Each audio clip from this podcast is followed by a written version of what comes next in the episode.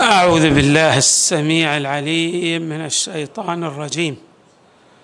بسم الله الرحمن الرحيم والحمد لله رب العالمين. والصلاة والسلام على أشرف الخلق سيدنا ونبينا محمد وآله أجمعين الطيبين الطاهرين. قال الله تعالى في القرآن الكريم إنما يريد الله ليذهب عنكم الرجس أهل البيت ويطهركم تطهيرا. إمامنا الصادق صلوات الله وسلامه عليه له توجيهات سديدة وحكم متعددة يشرح فيها بعض الحيثيات المتعلقة ببعض المستحبات تارة وبعض الأمور التي تتعلق بما يتعلق بالإنسان في شؤون حياته. من هديه عليه السلام ما جاء عنه. قال عليه السلام إن خير العباد من اجتمعت فيه خمس خصال. إذا أحسن استبشر وإذا أساء استغفر وإذا أعطي شكر وإذا ابتلي صبر وإذا ظلم غفر. كلنا نرجو أن نحقق المراتب العالية في العبودية. ما هي الخصال التي تجعل الإنسان يزدان بها في درجة عبوديته لله تبارك وتعالى؟ الإمام الصادق يوضح هذه الخصال. وهي خمس. الأولى أن الإنسان إذا صدرت منه الحسنة العمل الطيب يجد انسا في نفسه وانشراحا في صدره. أما إذا اساء صدرت منه هفوة فيبادر بالإستغفار يتلافى الذنوب التي تصدر عنه. يبادر بالتوبة والإستغفار والندم والإنابة والرجوع إلى الله تبارك وتعالى. وأيضا إذا قدم إليه معروف أو أعطي بأي عطية من العطايا تراه يزدي الشكر ويثني على من أعطاه. ويحمد من أحسن إليه. أيضا يقول الإمام وإذا مر به ابتلاء تراه يتدرع بالصبر. عنده جلباب يلبس ذلك الجلباب ألا وهو الصبر. فلا يجزع من البلاء الذي يمر به.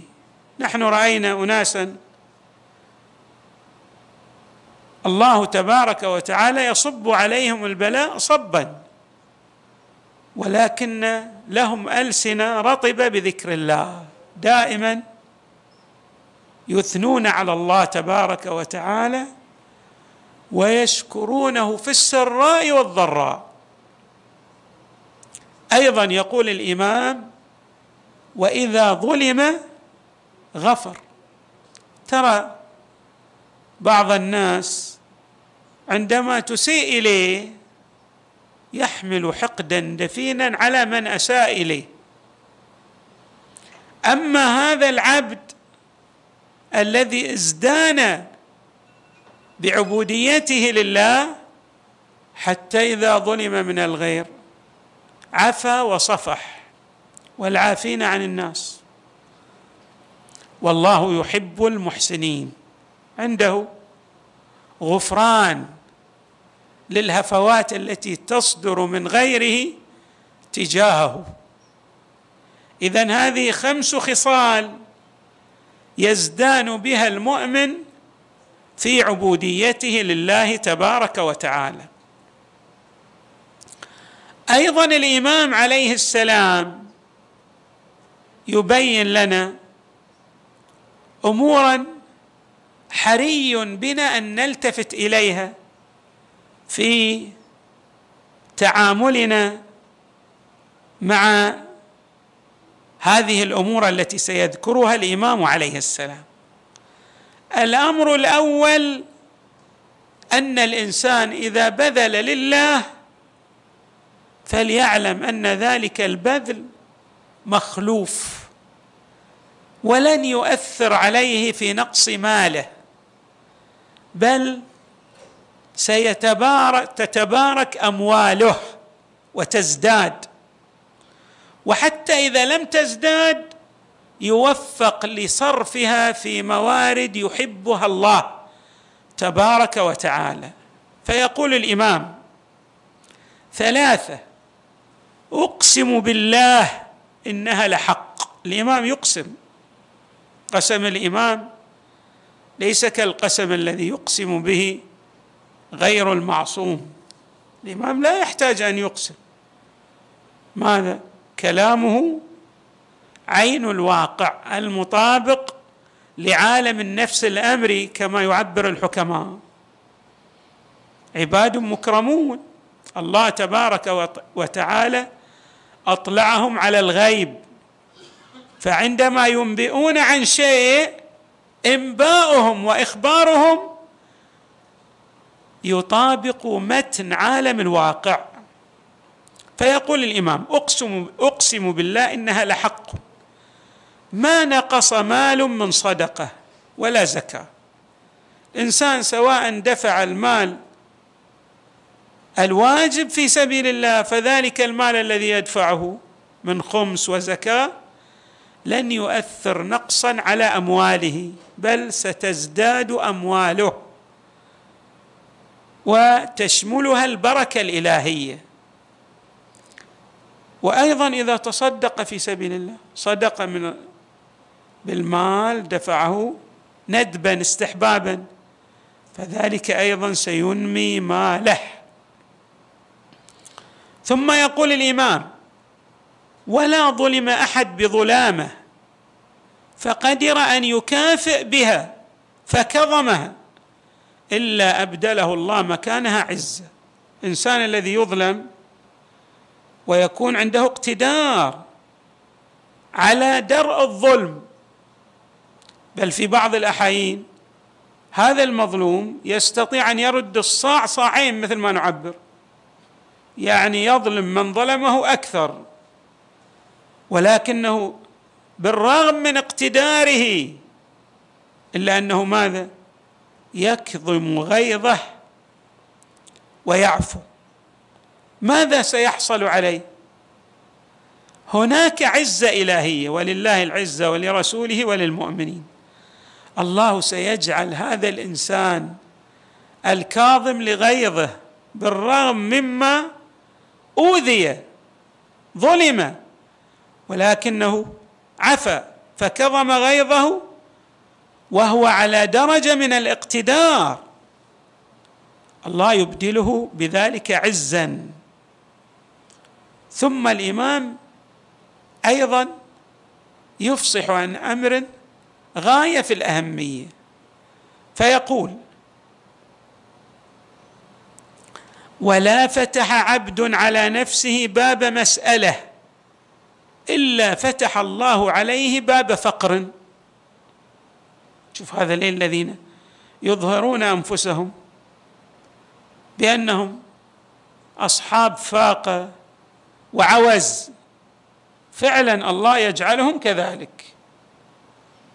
يجعلهم من الفقراء. بل يجعل بعضهم من المدعقين من الم يعني من أسوأ حالات الفقر التي مدعق في الفقر. والسبب أنه هو فتح على نفسه باب السؤال. ولذلك حري بالإنسان أن يلتفت إلى كرامة نفسه والاستغناء عن الناس. موجود في بعض الروايات أن الاحتياج إلى الغير وأنت لست بحاجة وإنما تريد أن تظهر الاحتياج ويمكنك أن تستغني تكتفي بما لديك وبما عندك. الله يجعل ذلك ماذا؟ بابا من أبواب الفقر التي تفتح عليك. يقول الإمام ولا فتح عبد على نفسه باب مسألة إلا فتح الله عليه باب فقر. أيضا من توجيهات الإمام السديده في هذا المجال يقول المؤمن إذا غضب لم يخرجه غضبه من حق.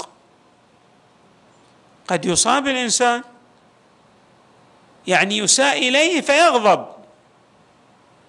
بعضهم إذا ألم به الغضب تراه يخرج عن طوره. بمعنى تصدر منه ردود أفعال غير محمودة.